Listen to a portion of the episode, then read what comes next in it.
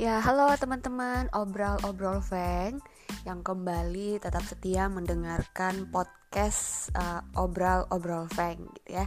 Nah, kali ini uh, saya mau uh, membagikan satu uh, cerita gitu ya, pengalaman yang mungkin juga bagi teman-teman yang mengalami uh, secara khusus buat teman-teman yang wanita ya, yang mungkin uh, saat ini masih single, tetapi uh, mau suatu saat punya pasangan gitu ya.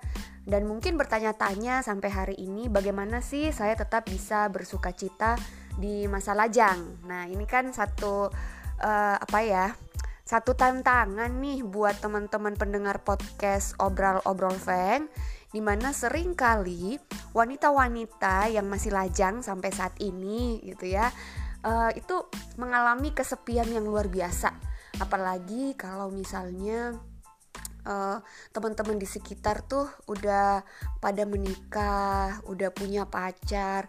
Nah, sementara ngelihat diri sendiri kok masih single-single aja gitu ya.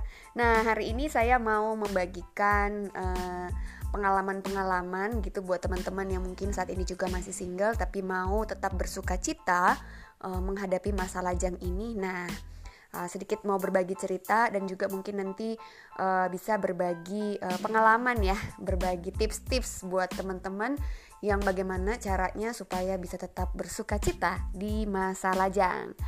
Nah, kali ini uh, uh, saya mau sedikit berbagi pengalaman, jadi uh, juga uh, pernah ada di posisi mengalami masa single yang cukup panjang lalu kemudian juga ada kerinduan untuk uh, punya pacar, ada kerinduan untuk punya pasangan suatu saat nanti gitu ya. Nah, tetapi uh, ada situasi atau ada kondisi dalam diri saya yang memang uh, jauh dalam lubuk hati juga rada-rada takut gitu ya kalau mau membangun hubungan dengan seseorang apakah uh, orang ini adalah orang yang tepat, apakah orang ini adalah orang yang baik, apakah orang ini orang yang bisa dipercaya. Nah, pertanyaan-pertanyaan seperti itu uh, sering muncul tuh waktu mau berelasi dengan seseorang, waktu mau membangun hubungan dengan seseorang. Nah, karena itu saya mulai melihat gitu ya, belajar untuk melihat di sekeliling saya sebenarnya sih apa yang uh, Tuhan mau ya untuk saya lakukan di masa lajang saya gitu. Kan nggak mungkin saya terus frustrasi uh, di dalam masa-masa single begitu ya. Nggak mungkin juga terus menerus merasa kesepian. Dan nggak mungkin juga kan ya iri dengan teman-teman yang udah punya pacar lalu kemudian udah mau merencanakan pernikahan. Apalagi kalau misalnya juga uh, orang yang menikah teman dekat tapi usianya di bawah uh, umur kita gitu. Itu kan menambah uh, satu uh, apa ya problema batin ya problema batin. Nah pasti teman-teman yang wanita yang lajang uh, pasti juga pernah merasakan hal yang sama seperti yang saya rasakan pada waktu itu. Nah, tetapi saya mencoba untuk uh, mengubah cara berpikir saya. Waktu saya dipenuhi ketakutan-ketakutan seperti yang tadi gitu ya, pertanyaan-pertanyaan yang menakutkan, bahkan juga perasaan-perasaan yang menakutkan, saya memutuskan saya mengambil satu keputusan untuk tidak mau dipenuhi dengan pikiran-pikiran yang seperti itu. Karena itu akan mengurangi produktivitas saya untuk menghidupi masa lajang saya. Sehingga uh, saya mencoba uh, mengubah mindset saya atau mengubah paradigma saya bahwa um, menikah atau tidak menikah, punya pacar atau tidak punya pacar, saya tetap bisa bersuka cita. Karena sumber sukacita saya itu bukan pada orang lain, sumber sukacita saya itu bukan karena saya punya pacar atau nanti ketika saya e, menikah. Itu baru kemudian saya bersuka cita. Nah tentu e, waktu mau mengubah paradigma yang seperti ini itu nggak mudah ya teman-teman. E, karena sering kali saya membulatkan tekad untuk punya pikiran seperti itu tapi sering kali juga e, rasa takutnya itu muncul waduh tapi nanti bagaimana ya kalau misalnya saya sangat ideal sangat idealis dengan pemikiran-pemikiran saya seperti ini nanti lama-lama orang nggak mau deket dengan saya nah bukan bukan begitu juga begitu ya Nah, justru dengan memahami bahwa sumber sukacita saya itu bukan dari orang lain, maka saya akan menghidupi kehidupan saya dengan bebas. Menghidupi kehidupan masa lajang saya uh, tanpa tekanan. Ya, itu ya. Pertama, mengubah mindset. Kita mengubah mindset bahwa sumber sukacita kita itu bukan karena punya pasangan, bukan karena punya pacar atau bukan karena punya teman hidup gitu ya. Nah, tapi tentu memang uh, setelah saya menikah uh, merasakan gitu ya bahwa dengan punya pasangan itu ada sesuatu hal yang berbeda. Tetapi tidak mengubah sumber sukacita kita. Ingat itu ya. Karena sumber sukacita kita itu adalah dari Tuhan. Tuhanlah yang uh, menjadi sumber sukacita kita. Nah, karena itu selain kita mengubah mindset gitu ya bahwa sumber sukacita kita adalah Tuhan, bukan dari orang lain, maka hal yang kedua yang perlu juga kita e, bangun di dalam diri kita sebagai seorang wanita yang lajang begitu adalah rasa puas. Rasa puas, rasa penuh di dalam Tuhan. Nah, ini sangat penting, teman-teman. Karena waktu kita menggantungkan sukacita kita kepada orang lain, itu sangat mungkin ada begitu banyak kekosongan-kekosongan di dalam diri kita. Ya, ingin dihargai, ingin diterima, ingin disayangi, ingin diteguhkan, dan begitu banyak lagi ruang-ruang yang kita mau dan kita harap bahwa dengan punya orang lain dalam hidup kita, entah itu pacar atau pasangan, maka mereka bisa memenuhkan itu. Nah, tapi teman-teman ketahuilah bahwa hal itu tidak akan pernah benar-benar terjadi karena kebutuhan kita itu adalah Tuhan. Sehingga sangat penting bagi kita untuk merasa puas dengan Tuhan. Nah, bagaimana caranya puas dengan Tuhan?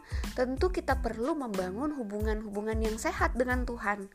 Jadi mungkin uh, bahasa sederhananya ya kalau kita mau pacaran dengan seseorang ya pacaran dululah dengan Tuhan gitu ya pacaran dengan Tuhan curhat dengan Tuhan belajar firmannya rajin berdoa ya kayak kayak lagu sekolah minggu baca kitab suci doa tiap hari kalau mau tumbuh nah rasa puas itu juga bisa tumbuh dengan hubungan yang dekat dengan Tuhan tentu selain dengan hubungan yang dekat dengan Tuhan eh, komunitas-komunitas kita kan juga menolong gitu ya Nah, karena itu ingatlah bahwa kadangkala uh, kebesaran yang sejati itu sering terlihat justru di dalam kelemahan-kelemahan kita. Justru dalam kesendirian kita. Gitu kita bisa merasakan uh, kasih Tuhan, kita bisa merasakan jamahan Tuhan, kita bisa merasakan kepuasan di dalam Tuhan justru ketika kita benar-benar lemah. Justru ketika kita benar-benar itu nggak berdaya ya seperti kata Paulus bahwa justru dalam kelemahanlah kuasa Tuhan makin nyata di dalam aku. Nah, rasa puas itu juga uh, akan muncul ketika kita benar-benar menggantungkan seluruh hidup kita kepada Tuhan. Gitu ya. Nah, lalu yang kemudian yang berikutnya teman-teman setelah kita mengubah mindset gitu ya, setelah kita uh, puas di dalam Tuhan, maka hal yang berikutnya yang perlu teman-teman lakukan. Bukan berarti menutup diri begitu ya sehingga uh, tiba-tiba bahwa pangeran itu akan datang di depan pintu rumah teman-teman. Enggak gitu. Nah karena itu hal berikutnya yang teman-teman perlu lakukan adalah perhatikan orang-orang yang telah Allah tempatkan di sekitarmu. Jadi jangan membatasi pergaulanmu karena itu seorang wanita yang lajang itu harus bergaul seluas-luasnya Nah, saya ingat gitu ya, saya ingat pengalaman-pengalaman masa lajang saya ketika memang Tuhan mengizinkan saya untuk mengenal begitu banyak orang. Bukan hanya di kota saya, tetapi dari berbagai kota. Nah, kalau sekarang kan uh, udah ada sosial media begitu ya yang uh, sangat memungkinkan bagi kita untuk mengenal banyak orang. Tetapi bukan berarti uh, kita sembarangan gitu ya membangun uh, hubungan dengan orang. Ini dalam artian bersahabat atau berteman dengan seluas-luasnya orang. Nah, karena itu perhatikan orang-orang di sekitarmu. Saya uh, ya saya nggak tahu ya kalau teman-teman yang lain mungkin punya pandangan yang berbeda, tetapi bagi saya ya, bagi saya secara pribadi Tuhan tuh kadang-kadang menghadirkan uh, teman hidup atau pasangan itu justru dari orang-orang di sekitar kita karena orang-orang itulah yang kita kenal, orang-orang itulah yang kita tahu betul seperti apa tipenya gitu ya. Nah, tentu paling tidak mungkin kalaupun juga kita uh, apa tidak satu kota dengan orang itu, tetapi pernah ada perjumpaan, pernah ada perkenalan. Nah, sehingga biasanya Tuhan tuh hadirkan orang eh, orang-orang di sekitar kita tuh dengan cara yang unik Nah, karena itu, teman-teman yang masih lajang, tentu silahkan perhatikan orang-orang yang telah Allah tempatkan di sekitar Anda. Bukan berarti juga ini ya, mengumbar-ngumbar uh, apa pesona. Kalau orang zaman sekarang bilang TP, tebar pesona. Bukan, teman-teman. Uh, tetapi sewajarnya, uh, saya berharap seorang wanita lajang itu tetap uh, elegan ya, tetap sopan di dalam membangun relasi dengan uh, lawan jenisnya. Karena itu pun juga akan menunjukkan uh, kualitas kita sebagai wanita. Jadi sangat penting nih wanita lajang untuk memperhatikan memperhatikan orang-orang di sekitar dan juga memperhatikan diri. Nah, sehingga uh, tips berikutnya yang teman-teman juga bisa lakukan ketika teman-teman lajang, maka jangan egois saat masih lajang. Ini uh, penting tuh. Bukan berarti kita mencari kepentingan diri sendiri ya. Uh, kalau di Filipi pasal 2 ayat 3 sampai 4 di situ dikatakan dengan tidak mencari kepenti kepentingan sendiri atau puji-pujian yang sia-sia. Sebaliknya, hendaklah dengan rendah hati yang seorang menganggap yang lain lebih utama daripada dirinya sendiri dan janganlah tiap-tiap orang hanya memperhatikan kepentingannya sendiri, tetapi kepentingan orang lain juga. Nah, kenapa sangat saya tekankan kepada teman-teman bahwa ketika kita masih lajang, sangat penting untuk tidak egois. Nah, bagaimana caranya supaya kita tidak egois? Hal yang paling praktis yang teman-teman bisa lakukan adalah melayani. Ini adalah cara yang terbaik untuk melatih uh, apakah kita ini egois atau tidak egois. Gitu ya, ketika kita belajar untuk memperhatikan kepentingan orang lain. Nah, ketika saya uh, masih dalam masa lajang begitu ya, saya mengikuti banyak sekali kegiatan-kegiatan sosial gitu ya, membantu kebencanaan, terlibat di dalam aksi-aksi sosial, uh, terlibat di dalam pelayanan uh, kaum muda. Nah, semua itu menjadi satu tempat bagi saya untuk belajar tidak egois. Kenapa? Karena nanti ketika kita masuk di dalam hubungan yang relasi yang lebih dekat dengan seseorang sangat penting kemampuan ini untuk um, belajar memahami orang lain. Nah, kalau kita mau bahwa hanya kita sendiri yang diperhatikan atau hanya kita yang paling paling membutuhkan atau kita yang paling menderita sedunia ini, maka akan sangat sulit bagi kita untuk menghidupi masa lajang kita dengan sukacita. Karena kita selalu merasa bahwa kita lah yang paling menderita, kita lah yang paling malang, kita lah yang paling uh, kesepian. Gitu. Nah, karena itu uh, belajar untuk tidak egois dengan melayani orang lain. Ini sangat penting teman-teman.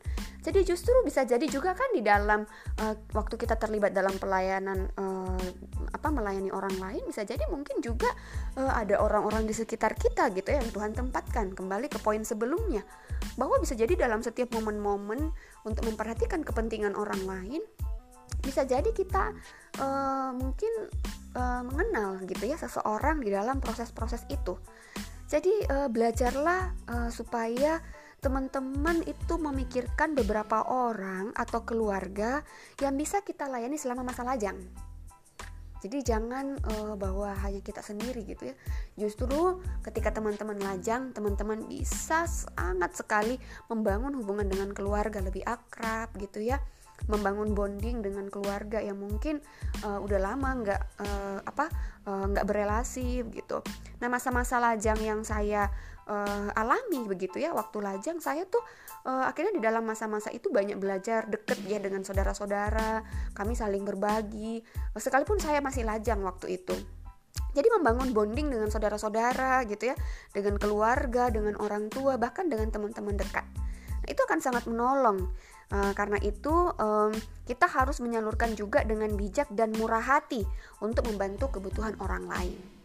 Nah teman-teman di sekitar saya tuh pasti kenal lah kenal tahu tahu banget bagaimana saya menghidupi masa-masa lajang.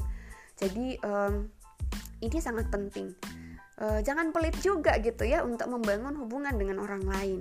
Nggak uh, harus bawa ini lawan jenis gitu ya tapi ini dengan teman-teman di sekitar kita.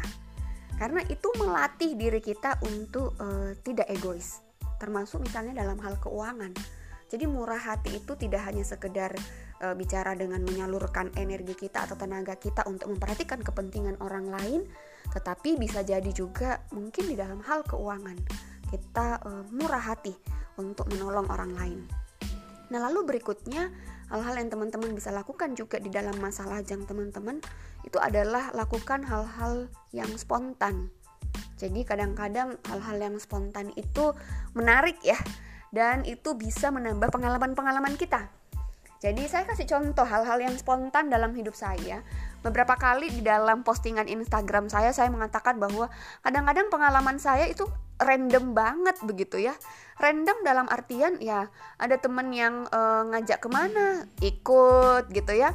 Uh, dan kadang-kadang adik-adik KTB atau teman-teman di pelayanan gitu yang ngajak jalan ngajak nanjak gitu ya mendaki gunung.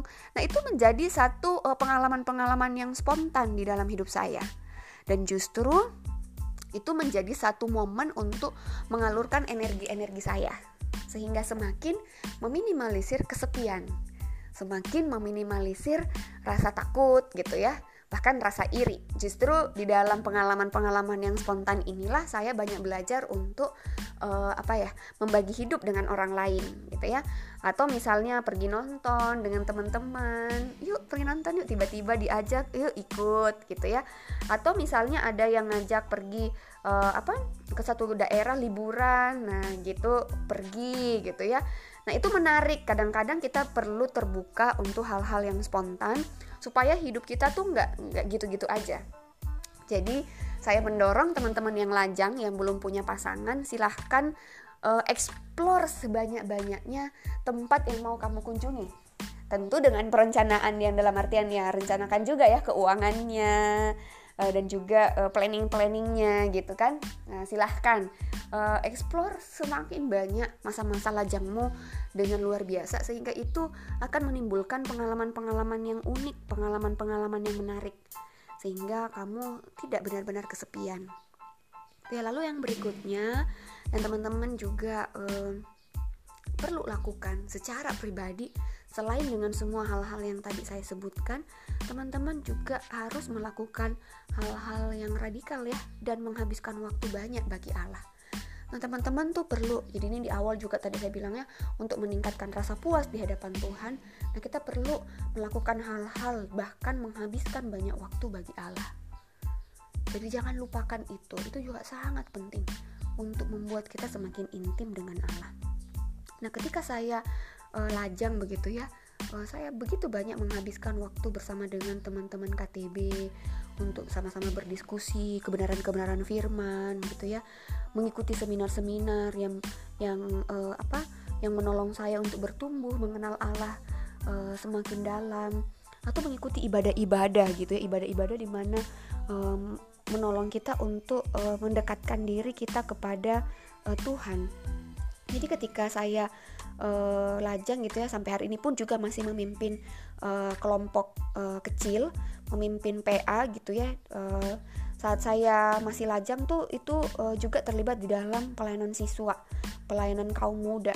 Nah itu menjadi uh, kesempatan saya juga untuk mengenal Tuhan lebih dalam. Karena selain berinteraksi dengan orang-orang di sekitar saya saya juga semakin melihat bagaimana Tuhan tuh bekerja melalui komunitas saya Nah, itu akan menolong saya untuk akhirnya menghidupi masa lajang dengan penuh sukacita.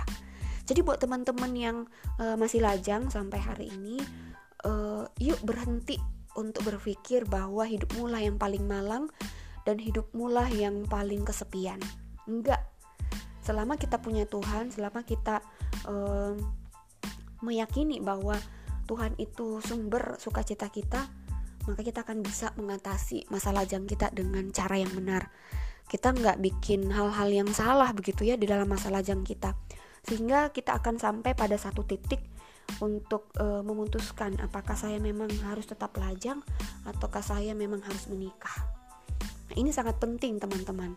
Dan ternyata waktu pengalaman saya e, puas di dalam Tuhan gitu ya menghidupi e, kehidupan masa lajang saya ternyata kadang-kadang uh, hal yang saya tidak pernah pikirkan bahwa Tuhan menghadirkan orang uh, yang berarti di dalam hidup saya itu justru ketika saya melayani. Tuhan mempertemukan saya dengan uh, seorang pria yang akhirnya menjadi suami saya dan itu menjadi uh, satu sukacita yang besar karena akhirnya kami bisa berjumpa dan uh, membangun hubungan-hubungan di dalam masa uh, relasi kami berpacaran sehingga akhirnya menikah.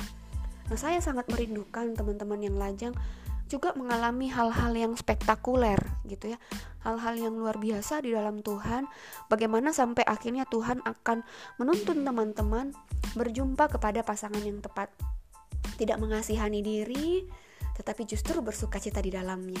Itulah cara, salah satu cara bagaimana kita e, menghidupi masa lajang kita dengan tepat sehingga akhirnya kita sampai kepada satu titik untuk memutuskan apakah kita tetap melajang atau menikah.